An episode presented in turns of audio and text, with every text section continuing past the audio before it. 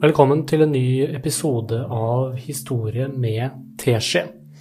Nå har det jo gått en liten stund um, siden sist jeg lagde en episode, og det er rett og slett fordi jeg har veldig mange prosjekter på gang hele tiden.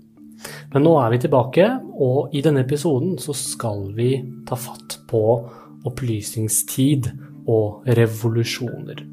Opplysningstiden som strekker seg fra 1650 til 1799, og vi skal særlig fokusere på den franske revolusjonen.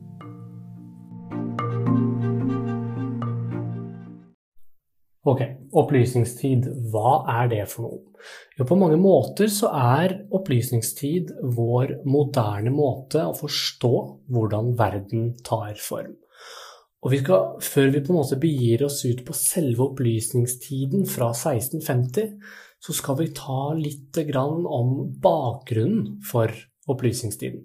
Og denne kan nemlig forklares med denne såkalte vitenskapsrevolusjonen fra ca. 1550 og helt fram til 1750.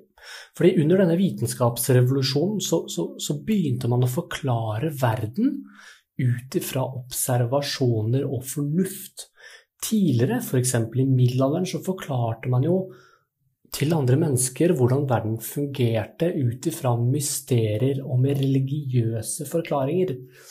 Mye av det skal nå forsvinne, og vi skal få en mer kritisk tenkning om tradisjon, om konge, kirke og rettsvesen.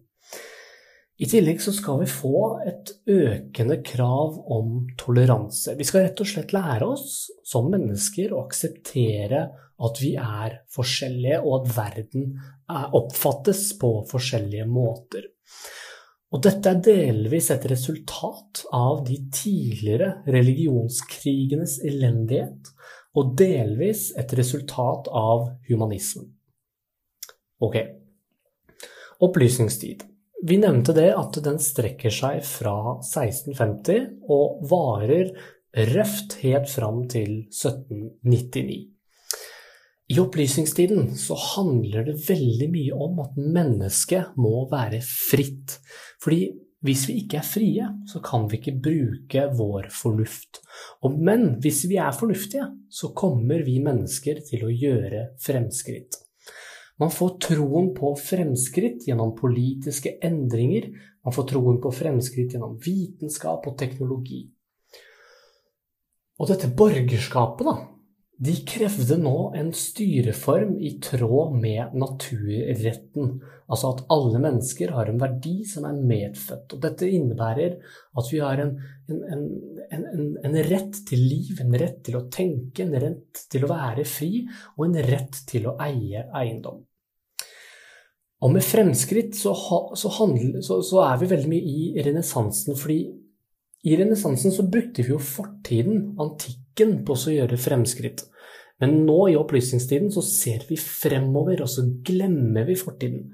Så når vi snakker om fremskritt, så sammenligner man gjerne med renessansen. Fordi i renessansen skal vi på en måte gjenoppstå og bruke tidligere ideer for å gjøre fremskritt. Men i opplysningstiden så skal vi nå glemme fortiden, og vi skal se fremover. Opplysningstiden er også den tiden da de fleste revolusjonene starter. Det er på en måte i denne perioden hvor verden skal snus opp og ned, og, og ses på hvordan den kan bli, fremfor hvordan den har vært gjennom religion. Og et resultat av frihet, fornuft og fremskritt er jo revolusjon, demokrati og menneskerettigheter. Og mye av revolusjonens opphav har nemlig med såkalte opplysningsideer og tanker å gjøre. Altså tanker om det å være fri, det å vokse til det bedre, det å være fornuftig. Og religionens tanke om at Kirken bestemmer vår forståelse av verden, den skal avvikles. Og det begynner å stilles mye mer kritiske spørsmål til hva som egentlig er rett og galt i forhold til hvordan verden er og hvordan verden kan bli. Og det er en periode der vi rett og slett endrer måten vi forstår hele verden på. Problemet er at Europa, spesielt Europa, fremdeles er eneveldig. Altså, kongen har i teorien all makt, og folket holdes fortsatt nede. Og kongen og kirken og adelen er i veien for denne friheten vi nå søker. Og Derfor så begynner man i opplysningstiden å gjøre opprør med fortidens tenking. Så når vi skal liksom oppsummere hva opplysningstid er, så kan vi på mange måter ha noen sånne små, små nøkkelord, f.eks. frihet, fornuft og fremskritt. Man snakker om individets frigjøring, man snakker om fornuft og kunnskap, at det må være grunnpilarene for å styre samfunnet. At frihet, rettigheter og toleranse og aksept er nødvendig. At menneskerettigheter og likhet for loven skal etableres at man skal ha troen på at fremskritt er mulig. Man skal liksom gå fremover. Litt om disse opplysningstankene, eller disse ideene. Jeg nevnte jo innledningsvis naturretten. Hva er det? Jo, det er rettigheter i form av å være menneske. At man er medfødt i frihet. At man, burde, man bør få lov til å tenke det man vil, og man bør få lov til å eie eiendom. Man burde være selvstendig og stå på egne ben, og ingen skal kunne komme og ta fra deg det du eier, uten å betale for det. Dette er menneskerettigheter, rettigheter i form av det å være menneske. Og man tenkte at hvis jeg har liv, hvis jeg har lov til å tenke fritt, og hvis jeg eier eiendom, så er jeg på veldig mange måter fri. I tillegg, under opplysningstiden så får vi tanker og ideer om f.eks. en konstitusjon. Hva er det for noe? Jo, dette er en kontrakt som beskytter nettopp denne naturretten ved å begrense kongens makt. Og revolusjonen aksepterer eller respekterer ikke lenger det gamle systemet der kongen er guddommelig og gjør motstand. Og grunnen for det er rett og slett at det er en ny tid, og en tid der mennesker tenker nytt. Og en konstitusjon da, det bygger på noen ting for å fungere optimalt. Det er noen grunnleggende pilarer i en konstitusjon som må ligge til rette for at denne skal fungere på best mulig måte. Og her får vi jo kjente navn som John Locke, Charles Montesquieu, Voltaire, Rousseau. Dette er jo navn du garantert har hørt tidligere, som du kanskje nå, lenge etter at du har gått på videregående skole, sliter å koble til visse ting, men det skal jeg hjelpe deg med nå. En konstitusjon bygger på noen ting for å fungere optimalt, blant annet folkesuverenitet. Dette er jo vår godeste John Lock som kommer med. Dette med at makt må komme fra folket. At det er folkets rett å bestemme hvem som skal styre. Og det John Lock gjorde, var at han la til valg som en del av dette. Folket valgte sin leder. Problemet var at Lock mente at dette kun gjaldt for de med eiendom, så det begrenset jo fremdeles veldig mange, men ballen har på veldig mange måter begynt å rulle. I tillegg så får vi jo et annet prinsipp Charles Montesquieu. Hva er det han er kjent for? Jo, han er kjent for dette berømte maktfordelingsprinsippet hans. Han mente det at makten må fordeles mellom en lovgivende, en utøvende og en dømmende makt. For eksempel i Norge så har vi en regjering, et storting og en uavhengig domstol, altså tingretten. Folket skulle være lovgivende, kongen skulle være utøvende, og en uavhengig domstol skulle være dømmende. En annen tanke og en annen idé vi får, er dette med borgerrettigheter. Dette er jo Voltaire og Rousseau som kommer med. Dette er ting som gir deg som menneske frihet. Det er retten til å mene, si og tenke det du vil. Voltaire han var jo svært kritisk til en slags religiøs overtro. Og folk skulle få delvis tro, men på ingen måte fritt. Han var delvis for ytringsfrihet, hvor kun de dannede kan uttale seg offentlig, og han var heller ikke, tilgjengelig, eh, ikke tilgjengelig men tilhenger av demokrati, men et mer et slags opplyst enevelde. Rousseau mente at vi må la allmennviljen styre samfunnet, at fellesinteresser sikret frihet for flest, og Rousseau var også veldig for et eh, representativt demokrati. Altså at han var for at noen skulle velge noen til å styre for seg. Han var for maktfordeling, og at folket må ha retten til å ta, ta fra lederne makten. Dette er liksom de store tenkerne, da, disse opplysningsfilosofene. Men vi har jo også en del radikale tenkere. Hva betyr det å være radikal? Jo, det betyr å, å gjøre kjempestore forandringer.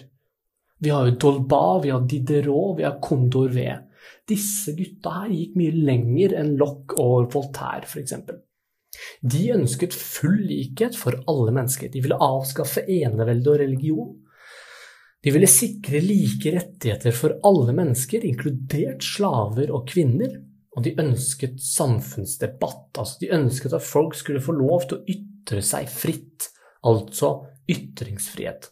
Og er det noe i dette landet, Norge, som står støpt i bakken, så er det nettopp dette prinsippet om at jeg som menneske og privatmenneske skal få lov til å ytre meg fritt. I tillegg så var disse radikale tenkerne svært opptatt av at likhet, det var helt avgjørende for at det skulle skape fred.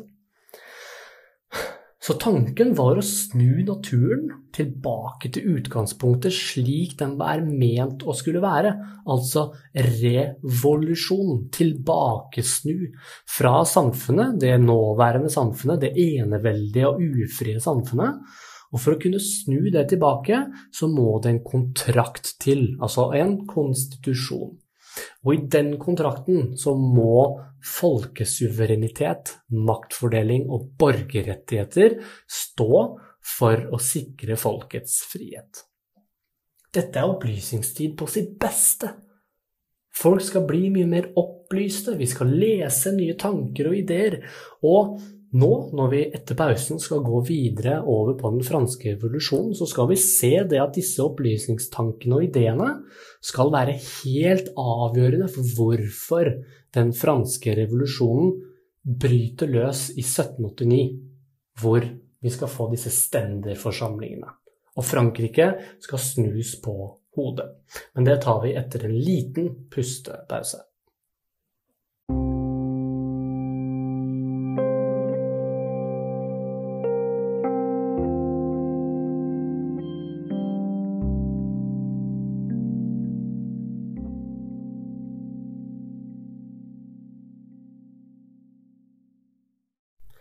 Velkommen tilbake. Vi er i opplysningstiden, og vi har nå innledningsvis snakket litt generelt om opplysningstiden, hva den er, altså bakgrunnen i, i opplysningstiden. Vi har snakket om tenkere, vi har snakket om forskjellige ideer, og nå skal vi ta fatt på eh, den store franske revolusjonen fra 1789 til 1799. Og denne revolusjonen er veldig viktig, fordi den viste at europeisk revolusjon var mulig. Troen på radikale, sosiale og politiske og økonomiske omveltninger eksploderte fullstendig i Europa.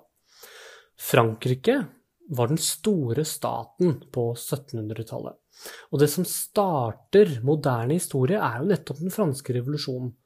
Og mange av disse konsekvensene for Frankrike, av denne franske revolusjonen, er at det avsluttet det monarkiske eneveldet. Det avsluttet stendersamfunnet, og aristokratiske og religiøse privilegier de forsvant fullstendig. Når vi skal snakke om revolusjonen, så tenker jeg at for å, for å belyse enklest mulig hva denne revolusjonen er, så tenker jeg at vi skal ta utgangspunkt i tre ting. Hva var det? Hvorfor skjedde det? Og hvilke virkninger fikk det? Og Derfor så tenker jeg at nå har vi fortalt hva den franske revolusjonen er. Jo, det er en revolusjon fra 1789 til 1799. Da har vi svart på det spørsmålet, og vi har svart på hvorfor revolusjonen er viktig. Neste spørsmål er jo hvorfor skjedde det? Og da kommer vi jo til årsakene til den franske revolusjonen. Og vi starter med de bakenforliggende årsakene. Vi deler gjerne disse inn i tre kategorier. Altså de politiske, sosiale og økonomiske årsakene til hvorfor den franske revolusjonen bryter løs i 1789. Når det kommer til de politiske, så snakker vi gjerne om eneveldets maktmisbruk, om opplysningsideene og borgerskapets reformkrav og politisk utvikling i England og Amerika. Når vi snakker om de sosiale, så snakker vi gjerne om stenderkonflikten og adelen og kirkens makt og privilegier rundt det. Og når vi snakker om økonomiske, så snakker vi om eneveldets finansproblemer, handelsproblemer, økende fattigdom og sult.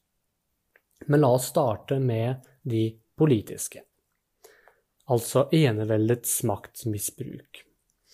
På denne tiden, i forkant av den franske revolusjonen, så blir eneveldet stadig mer upopulært. Og noe av grunnen til at revolusjonen starter, er hvordan eneveldet stadig vekk misbruker makt. Og dette gikk jo utover noen. Dette å misbruke makt fra eneveldets side gikk utover folket. Så kongen, sier vi, styrte ikke for og med folket, men han styrte over folket. Og dette er jo litt av kjernen, at etter hvert så skal jo borgerskapet vise sin misnøye og gjøre revolusjon mot dette undertrykkende, tradisjonsbundede og maktmisbrukende eneveldet. Eneveldet var jo, som jeg nettopp sa, svært undertrykkende overfor folk. Det var veldig tradisjonsbundet og veldig lite reformvilje. De var ikke så veldig villige til å endre seg.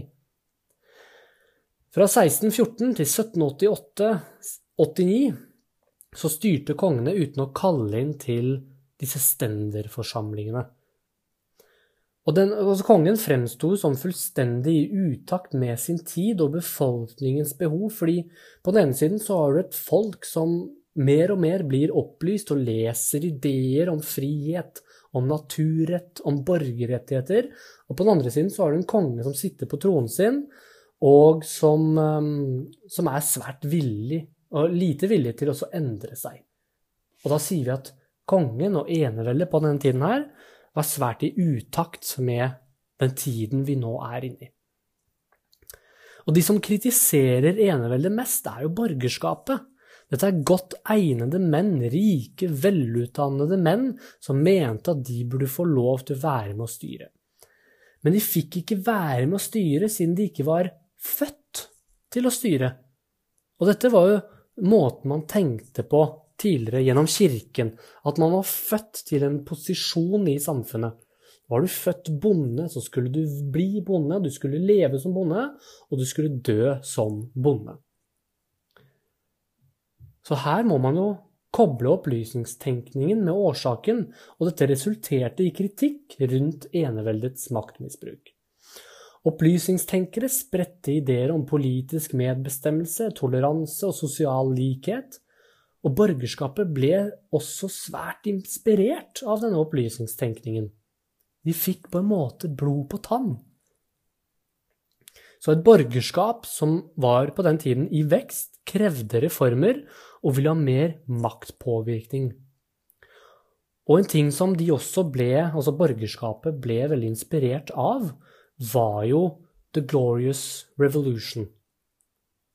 Fra 1688 til 1689, hvor folket tvang kongen til å skrive under på en konstitusjon som tok makten vekk fra, folk, fra kongene i England.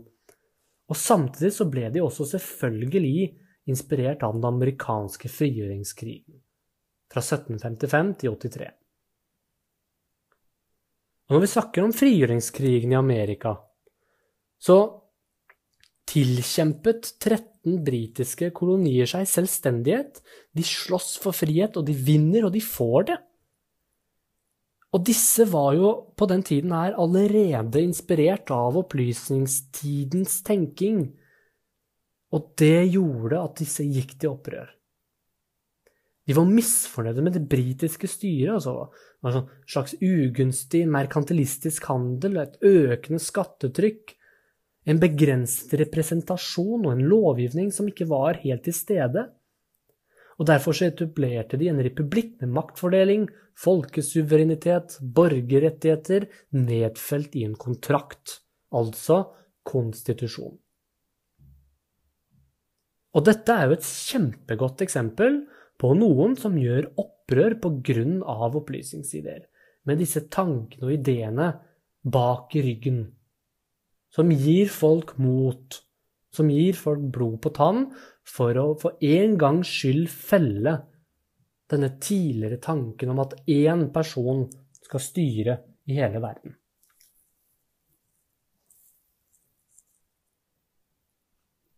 Og nå skal vi jo ta oss til de sosiale og strukturelle årsakene. Dette med at stendersamfunnet skapte misnøye. Og Noe av grunnen til revolusjonen er at de hadde stendersamfunnet, som henger igjen fra middelalderen i Frankrike, hvor borgerne og befolkningen var delt inn i såkalte stendere, altså grupper. Dette er jo helt, helt sånn I forhold til den tiden vi er i nå, da, i opplysningstiden, så er dette helt, helt utafor. Vi leser nå tanker og ideer om at mennesket må være fritt. Men på den annen side så blir vi fremdeles delt inn i grupper. Og dette var jo Frankrike på den tiden her var jo et stort samfunn med enorme sosiale forskjeller. Og dette skapte jo naturligvis veldig mye uro. Folk syns rett og slett at ting var veldig urettferdig. Og for å vise litt da, av denne urettferdigheten som løp rundt på denne tiden her, så har jeg et eksempel. 1% av befolkningen var geistlige, altså de i kirken. De var rangert øverst. 2% var adler, altså de som var født med titler. Og hør nå 97 standen var resten av befolkningen. Og disse 97% de hadde ingenting de skulle sagt.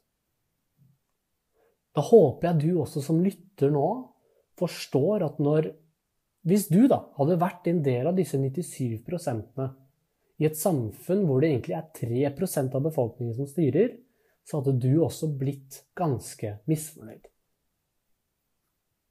Spesielt hvis du på samme tid satt hjemme og leste tanker og ideer om at jeg skal jo kunne få være fri, jeg skal kunne få lov til å si og mene hva jeg vil. Jeg skal ha rett til å eie eiendom uten at noen skal ta den fra meg uten å betale. Selvfølgelig hadde du sittet hjemme og blitt misfornøyd. Standen betalte jo skattebyrden, mens første- og andrestanden var fritatt. Så første- og andrestanden bidro liksom ikke til fellesskapet. Og derav kommer de store sosiale forskjellene i et gammeldags eh, Frankrike. Så de store forskjellene skaper store glisninger mellom folk og fører til splittelse og frustrasjon som igjen etter hvert fører til opprør og revolusjon for å felle stendersamfunnet fra middelalderen en gang for alle. Det er, ganske, det er ganske ille å tenke på at 3% av samfunnet styrte, mens 97 overhodet ikke hadde noen ting de skulle sagt. Det er ganske, det er ganske vilt, altså. La oss uh, snakke litt om økonomi. Jeg er ikke så veldig glad i økonomi, men det er også en viktig årsak til hvorfor den franske revolusjonen bryter løs. Eneveldet på denne tiden. Vi snakket jo om at i den tidlige moderne tiden så snakket vi om at alle penga havnet hos én person. Og det var jo hos kongen. Så kongen sitter med en gigantisk pengesekk som han ikke klarer å styre og håndtere. Han evnet ikke å styre økonomien. Eneveldet evnet ikke å håndtere denne svære pengesekken. Og kongemakten hadde enorme utgifter, bl.a. gjennom krigføring, gjennom hoffet og støtte til amerikanske opprørere. I tillegg så hadde vi et ineffektivt skattesystem pga. skatteprivilegier og korrupsjon. Korrupsjon er ikke noe nytt. Korrupsjon har vært gjennom alle tiders historie. I tillegg så fikk vi da en voksende statsgjeld. Kongen drev staten på lånte penger pga. underskuddsbudsjettering. Kirken derimot er styrtrik, kongen er styrtrik, adelen er styrtrik og var fritatt for skattebetaling. Dvs. Si at jo rikere du var, jo mindre bidro du. Tenk om det hadde vært sånn i dag, da, i 2021, hvor du som tjener minst, betaler mest i skatt. Og den som tjener mest, betaler minst i skatt og bidrar minst i fellesskapet, det hadde jo Ja, uff a meg. Det hadde jo skapt styr og styr og sjå hei. Stendersamfunnet, eller stendersystemet, gir noen få privilegier og er veldig plagsomt for mange. Borgerskapet var frustrerte fordi de hadde lest opplysningsfilosofi og tenkte at det var ikke riktig at noen var født til å styre. De ville rett og slett ha et friere samfunn med folkesuverenitet. Og som jeg nettopp nevnte, gjennom de sosiale årsakene, at alt dette her fører jo til misnøye for folket. Man får en økende fattigdom, man får store handelsproblemer og reguleringer rundt dette her. Jordbruket stopper jo opp. Og merkantilismen, hvis ikke du vet hva det er, så er det et økonomisk system som, som var basert på toll og avgifter og var i kongens interesse. Kongen forsøkte å kontrollere handelen alene i Frankrike for å kreve inn avgifter, og derav bli mye rikere. Og dette tjente jo eneveldet veldig mye på, men det la begrensninger for borgerskapets evne til å drive en lønnsom handel.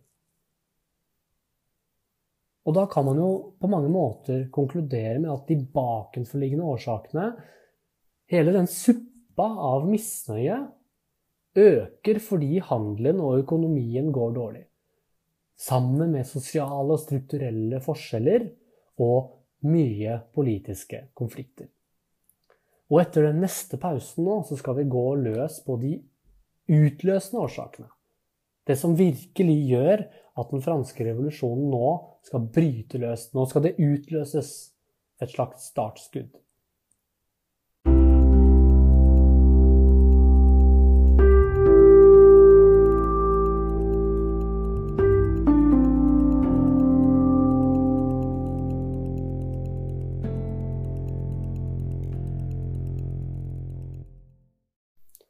Vi er i den franske revolusjonen, og det er like før den skal eksplodere fullstendig.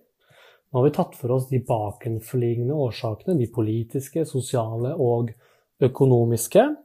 Nå skal vi gå inn på de utløsende årsakene. Og da skal vi fokusere på en økonomisk kollaps på 1780-tallet, stendermøtet på Versailles som skal bryte fullstendig sammen, og det med at borgerskapet skal opprette nasjonalforsamlingen og angrepet på Bastien.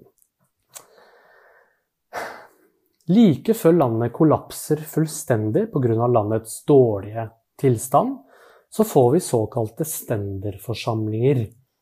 Med borgerskapet som kommer, møter opp med sine opplysningsideer.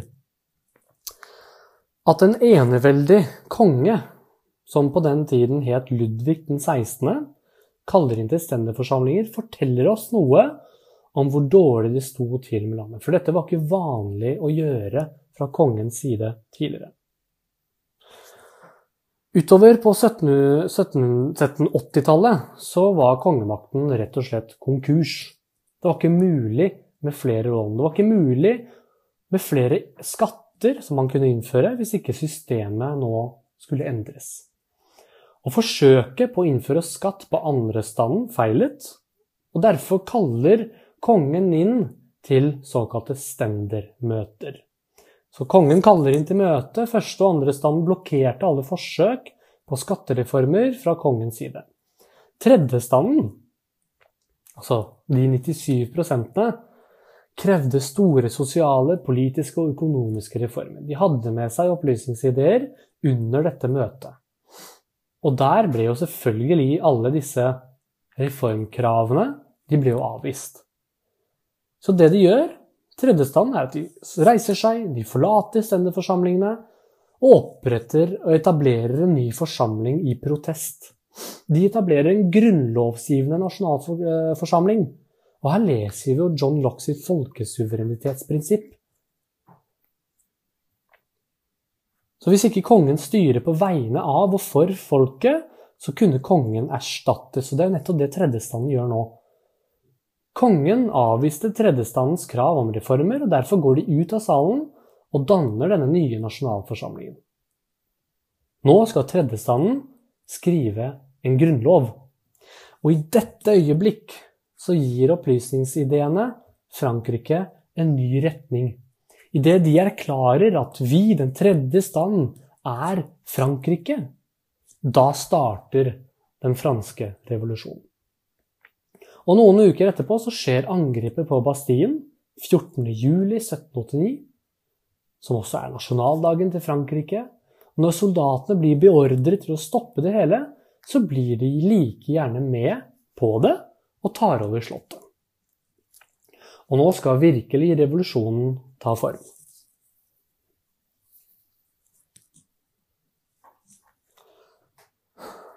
Ganske, den franske revolusjonen er ganske Og hele denne Beklager, hele denne tiden her er ganske, er ganske krevende.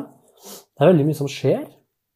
Så derfor må man, hvis man en gang skal ha noe eksamen i den franske revolusjonen, eller noe sånt, så må man forsøke å holde tunga litt rett i munnen. For å på en måte klare å forklare dette her da, på en, på en ryddig måte. Med gjerne en rød tråd. En rød tråd historie er veldig viktig.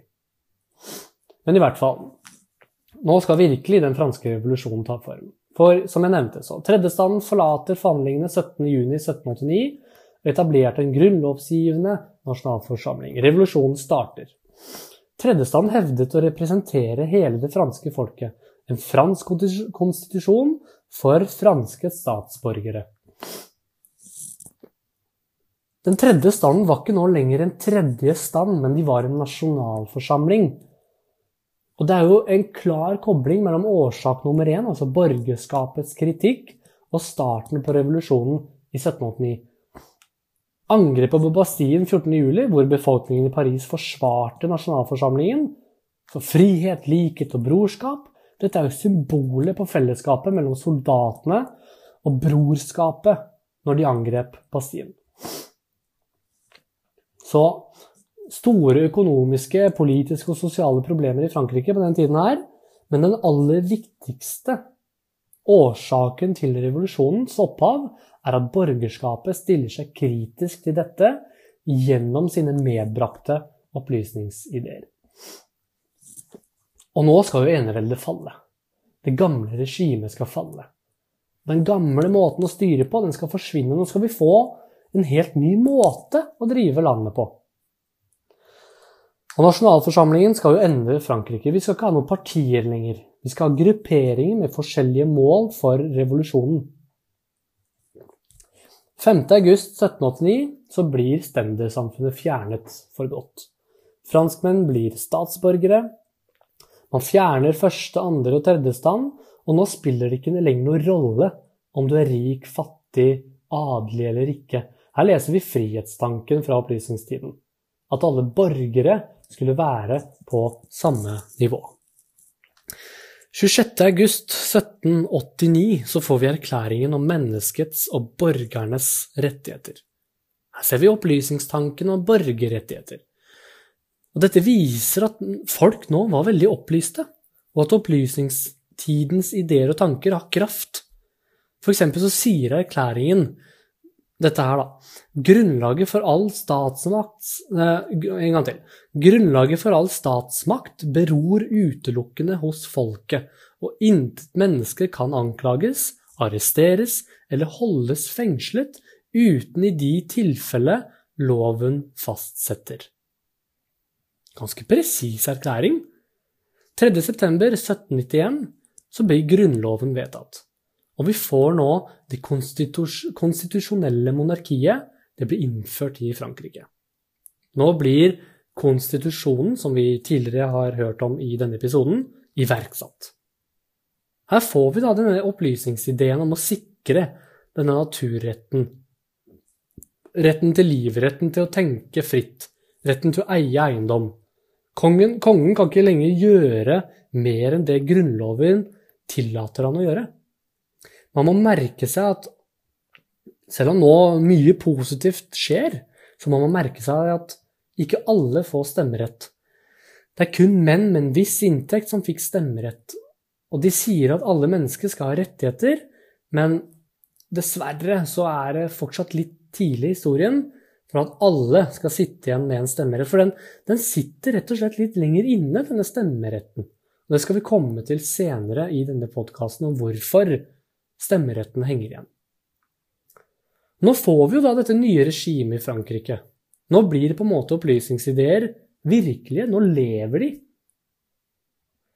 Så revolusjonen endte med et konstitusjonelt monarki basert på tre opplysningsideer. Det er folkesuverenitet, med en lovgivende nasjonalforsamling basert på stemmene til menn med en viss inntekt.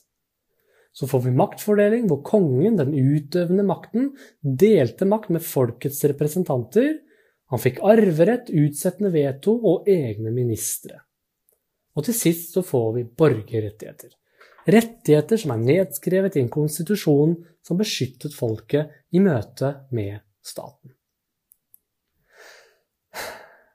Så de økonomiske problemene var på veldig mange måter reelle og absolutte, og kan forklares som en av flere årsaker til revolusjonens opphav. Men en av de absolutt viktigste årsakene vil nok i aller høyeste grad dreie seg om opplysningsideer og tanker fra perioden. Borgerskapet hadde på en måte blitt opplyst gjennom tanker og ideer. De hadde en drøm og en idé om en ny stat, et nytt system, altså fremskritt hvor vi glemmer det gamle. Sånn typisk renessansetenking, at vi ser tilbake og gjør fremskritt ut ifra det, til å nå se fremover med optimisme og at mennesket burde være fritt med borgerrettigheter og ikke underlagt et undertrykkende enevelde som kun skal tjene den øverste stand og gruppe i samfunnet. I 1789 så blir jo nå den sekulære stat født. Sekulært er lik på en måte et, et skille mellom eh, stat og religion. Det som styrte staten i middelalderen, var blandet mellom konge- og kirkemakten. Nå kommer det en stat der kirken og staten skal skylles. Det skal være to forskjellige ting. Staten skal ikke styres etter kirkens politikk. Det skal være noe staten tilbyr folk, men biskoper og kanaler, eller kardinaler, skal ikke styre landet.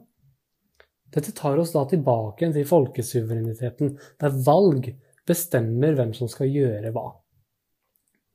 Man får religionsfrihet innenfor konstitusjonens rammer, selvfølgelig. Innbyggerne fikk rettigheter pga.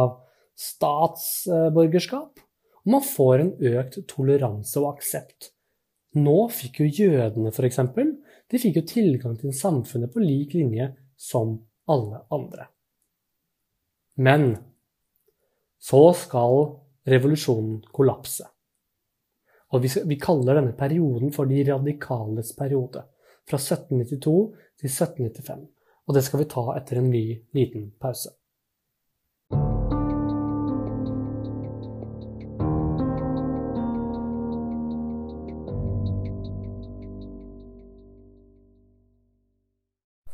Yes, vi er i eh, fortsatt den franske revolusjonen. Og eh, vi har jo nå gått gjennom årsakene til revolusjonen. Vi har snakket om de utløsende årsakene, hvor virkelig den franske revolusjonen tar form. Og nå skal, jo, nå skal vi inn i en tid, en periode, hvor revolusjonen skal kollapse. Altså de radikales periode fra 1792 til 1795. Dette er tre år hvor man snur Frankrike på hodet. Så Situasjonen er på ingen måte løst. Ja, vi har fått en konstitusjon, og det er vel og fint, men folk sulter fremdeles. Man har fremdeles de samme problemene i samfunnet, pluss at man nå skal få nye problemer. Fra 1792 til 1802 så har vi disse såkalte revolusjonskrigene. Frankrike er i krig med stormakter som ønsket å stoppe revolusjonen. Og Frankrikes problemer fortsatte. Man har eh, matmangel, dårlig økonomi, mot, kongen motarbeidet nasjonalforsamlingen. Revolusjonære jakobinere tar makten i 1792 og utnytter et nytt folkeopprør i Paris pga. manglende reformer. De mente at man burde fjerne kongen fullstendig. Så disse jakobinerne ser etter store endringer og forandringer. Så de radikale politikerne kommer til makten i Frankrike. Og det som ble gjort før, mente de var ikke godt nok til endringer som Frankrike nå trengte. Altså radikale. De var ute etter store endringer. Og Frankrike skal jo bli en republikk i 1792.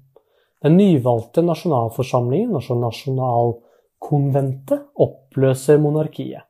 Man får en allmenn stemmerett, og verneplikt skal innføres. Man får en svært radikal utvikling, hvor man får en kulturrevolusjon som skal fjerne alt. Absolutt alt fra det gamle regimet skal fjerne. Vi skulle til og med få en ny kalender. Vi skulle få et helt nytt pengesystem. Og Ludvig den 16., vår tidligere konge, dømmes henrettet i 1793. For å ha konspirert med fremmede statsmakter. Men det sier vi ikke. Og nå skal det nye regimet falle nok en gang. Nasjonalforsamlingen tok kongens fullmakter og konsentrerte makten. Man får en velferdskomité som skal etableres, i realiteten regjering og øverste domstol, men en, konge, en kongevennlig opprør skapte frykt, og en, og en, unntakstilstand ble etablert. Man blir gitt, altså, denne velferdskomiteen blir gitt utøvende og dømmende makt i Frankrike, og gjør det de må for å gjenopprette orden og finne frem det Altså de som motsetter seg revolusjonen, og dette blir kalt for terroren. Terroren fra 1793 til 1794, hvor jakobinerne, disse svært radikale kreftene, skulle henrette titusenvis av kontrarevolusjonære mennesker uten noen form for rettssak og dom. De skulle bare henrettes der og da. Og når velferdskomiteen kom på plass, så får vi da denne terroren i Frankrike. Jakobinerne i komiteen møttes og skrev lister med navn over folk som måtte dø uten mulighet for å forsvare seg som dømte personer uten rettigheter. Så de aller fleste vet jo at den, at den franske revolusjonen egentlig er veldig mislykka. Det kommer også veldig mye bra og positivt ut av den franske revolusjonen. Vi får jo enorme forandringer på 1800-tallet i Europa. Men selve revolusjonen, den er mislykka. Og grunnen til at revolusjonen feiler, er at de klarer ikke å opprettholde maktfordeling i samfunnet. Alle borgere skulle ha borgerrettigheter fordi de var mennesker, men de forsvinner under denne terroren. Man klarer ikke å opprettholde det systemet de bestemte seg for å dra i gang. Så i 1791 har Frankrike blitt et konstitusjonelt monarki. Da var planen å styre Frankrike ut fra grunnloven med en konge. Problemet er at ett år senere så var problemene fortsatt så store at nye opprør i Frankrike bryter ut. Og Derfor griper jakobinerne makten i 1792 og gjør Frankrike om til en republikk, henretter kongen og legger ned kongedømmet. Men problemene fortsetter. Og Derfor velger man å innføre en unntakstilstand. Man tilsidesetter Grunnloven, og man rydder opp. Blodbadet som følger, kaller man for terroren. Terroren ender i et blodbad hvor titusenvis av mennesker blir henrettet for å uttrykke seg, for å kritisere, og man ender opp med at staten begynner å bruke militæret mot folket. Så tolv år senere så sitter man da igjen med en keiser i Frankrike. Vi går fra enevelde til keiserdømme. Man kan si at den franske revolusjonen er mislykket fordi de ikke klarte å etablere et friere Frankrike. Og nå skal jo denne revolusjonen avsluttes, fra 1795 til 1799 så får vi direktoriet. Dette er et betegnet som en slags korrupt forsøk på å gjenopprette orden etter terroren. Man avviklet allmenn stemmerett, de stablet på beina et nytt slags styre, men revolusjonen er på mange måter død. Man får i 1799 den kjente generalen Napoleons statskupp, hvor militære krefter tar kontrollen i et kaotisk Frankrike, og Napoleon er jo den mest berømte generalen i Frankrikes historie, han griper makten og blir keiser. Så Napoleon blir keiser i 1804, det franske imperiet opprettes, og napoleonskrigene innledes fra 1803 til 1815. Og man er litt tilbake til starten, egentlig, hvor man har et statsoverhode. Og det runder på veldig mange måter av en ufattelig viktig revolusjon hvor en sinnssykt modig tredjestand, 97% av befolkningen i Frankrike, tør med opplysningsideer og tanker å gjøre opprør mot et undertrykkende, maktmisbrukende, lite reformvillige enevelde i Frankrike. Og etter nå den siste pausen så skal vi ta for oss den politiske utviklingen på 1800-tallet. Fordi selv om den franske revolusjonen på mange måter gikk i dass, så sier historikere at revolusjonen har veldig mye å si for 1800-tallet.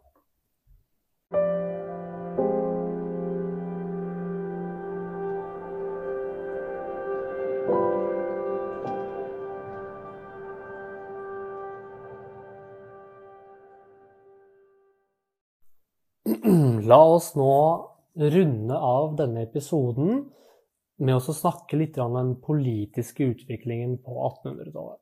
For som jeg sa før pausen, så kan vi jo på veldig mange måter si at den franske revolusjonen gikk rett vest. Men veldig mange historikere vil trekke frem at revolusjonen har hatt veldig mye å si for 1800-tallet. Vi får nemlig nye politiske ideologier som vokser fram. 1800-tallet handler mye om at nye politiske ideologier vokser frem.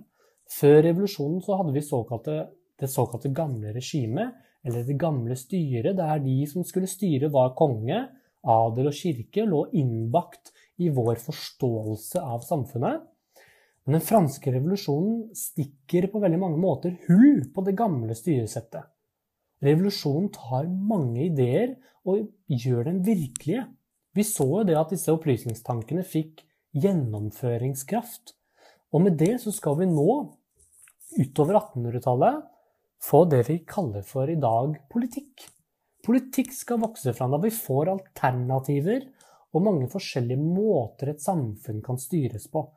Og dette, disse sakene, det er ting vi kan diskutere. Så etter revolusjonen går det opp for oss mennesker at det er vi selv som kan bestemme. Noen er konservative, som er særlig på høyresiden av politikken, og ønsker å stoppe utvikling og endringer. Men Oi sann. Mens sosialistene på venstresiden av politikken, og liberalistene, som da særlig er i sentrum av politikken, gjerne vil skape utvikling og endring. Så etter det så kommer jo revolusjoner på rekke og rad, og revolusjoner i dag er jo på dagsorden. Vi får utover 1800-tallet en delvis demokratisering utover på 1800-tallet. Man skriver konstitusjoner med folkets suverenitet, maktfordeling og borgerrettigheter etableres. Stemmeretten sitter fortsatt langt inne og er forbeholdt de bedre. Når napoleonskrigen er ferdig, så møtes alle Europas ledere i Wien, og vi får denne Wienerkongressen fra 1814 til 1815. De blir enige, og blir litt enige, om å skru klokka tilbake og prøve å hindre en ny fransk revolusjon. Så nå skal på mange måter Europas herskere sette seg ned og reorganisere Europa etter, etter napoleonskrigene. Og målsetningene da, med dette her er jo å følge opp rettmessige herskernes legitime krav på makt, f.eks. i Bourbon i Frankrike. Man skal beskytte de rettmessige herskere mot fremtidig revolusjonær utvikling. Man skal etablere et maktbalansesystem og moderne internasjonal diplomati. Og nå får vi jo da ideologier som konservatisme to conserve. Det betyr å bevare. Hvor de som er konservative, er særlig opptatt av å bevare verdier og institusjoner. Det er en ny måte å tenke på som følge av Wienerkongressen i 1814. Lederne i Europa som møttes på kongressen, prøver å late som at den franske revolusjonen ikke har skjedd.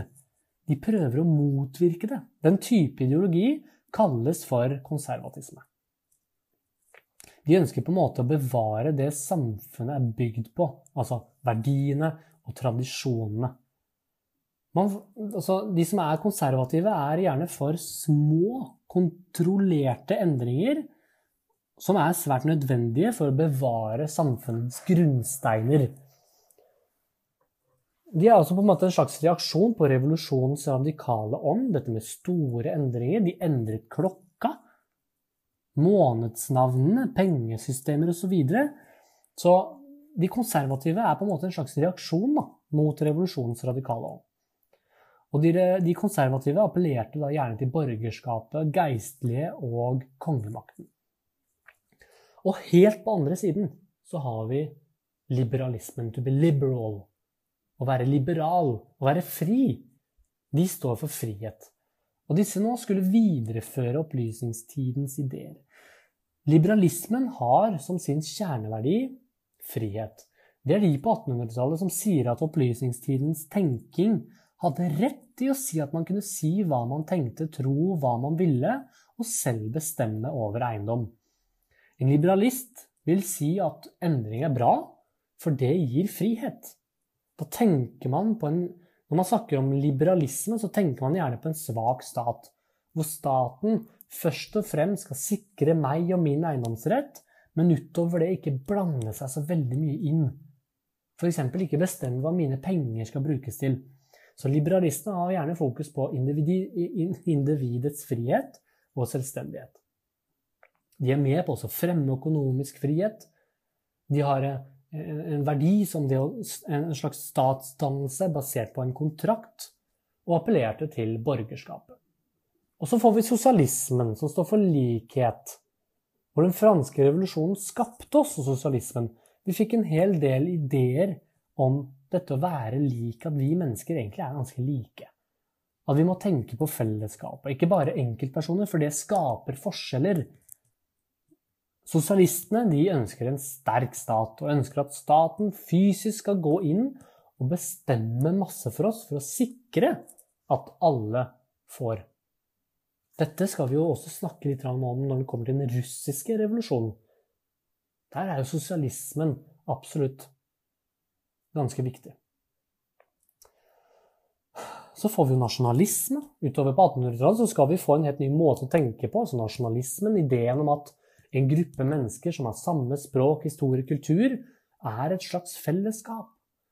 Nasjonalismen sier at fellesskapet burde bestemme over seg selv og ha sin egen stat. Og da kommer ideen om at vi burde ha nasjonalstater. Og nasjonalismen er utrolig sterk i Europa på 1800-tallet. Italia samlet, altså ble samlet i 1861 og, ikke vært samlet, og hadde ikke vært samlet helt siden antikken. Tyskerne var samlet i 1871 og kalte det for Tyskland. Tyskerland. Det er tyskerne sitt land. I Balkanområdet så skal nasjonalismen være veldig samlende. Og når vi kommer til den første verdenskrigen, så skal vi se at nasjonalisme er mye av grunnen til at den første verdenskrigen starter. 1800-tallet er egentlig ganske spennende, for da får vi på en måte en, en helt ny en helt ny måte og masse helt nye Man, får liksom politikk, man får nye ideologier liksom, Det er så mye som skjer, da. Jeg føler, i hvert fall jeg da, som privatperson, og min egen mening, er det at historien fram til nå egentlig har stått ganske i ro. Ja, det har skjedd veldig mye viktige ting for hvorfor vi har kommet der vi er nå, altså på 1800-tallet. Men likevel så er det ikke før nå jeg føler at ja, nå begynner virkelig de store tingene å komme fram. Nå nærmer vi oss jo første og andre verdenskrig. Dette er store ting som har vært med å forme vår verden slik vi kjenner den i dag. Ja, det er, eh, det er ganske heavy. Vi skal jo nå bare runde av med virkningene under opplysningstiden.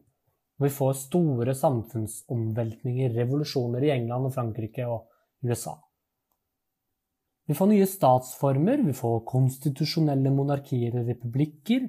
Man, må, man får nå da mer demokratiske forfatninger med folkesuverenitet, maktfordeling, borgerrettigheter og en offentlig debatt. Og etter opplysningstiden så får vi et økt krav om politisk deltakelse nedenifra. Det skal nå virkelig vokse. Altså borgerskapet, bønder, arbeidere og kvinner krevde reformer. Vi får nye politiske ideologier som liberalisme, sosialisme, konservatisme og nasjonalisme. Og vi får nye revolusjoner og nasjonale samlinger. Og disse skal spesielt prege og plage Europa på 1800-tallet. Og det runder på veldig mange måter av denne perioden opplysningstid og revolusjoner.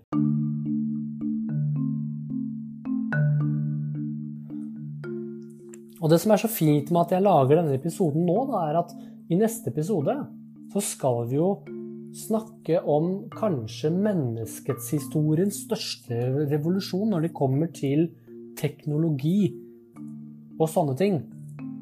Vi skal snakke om den industrielle revolusjonen.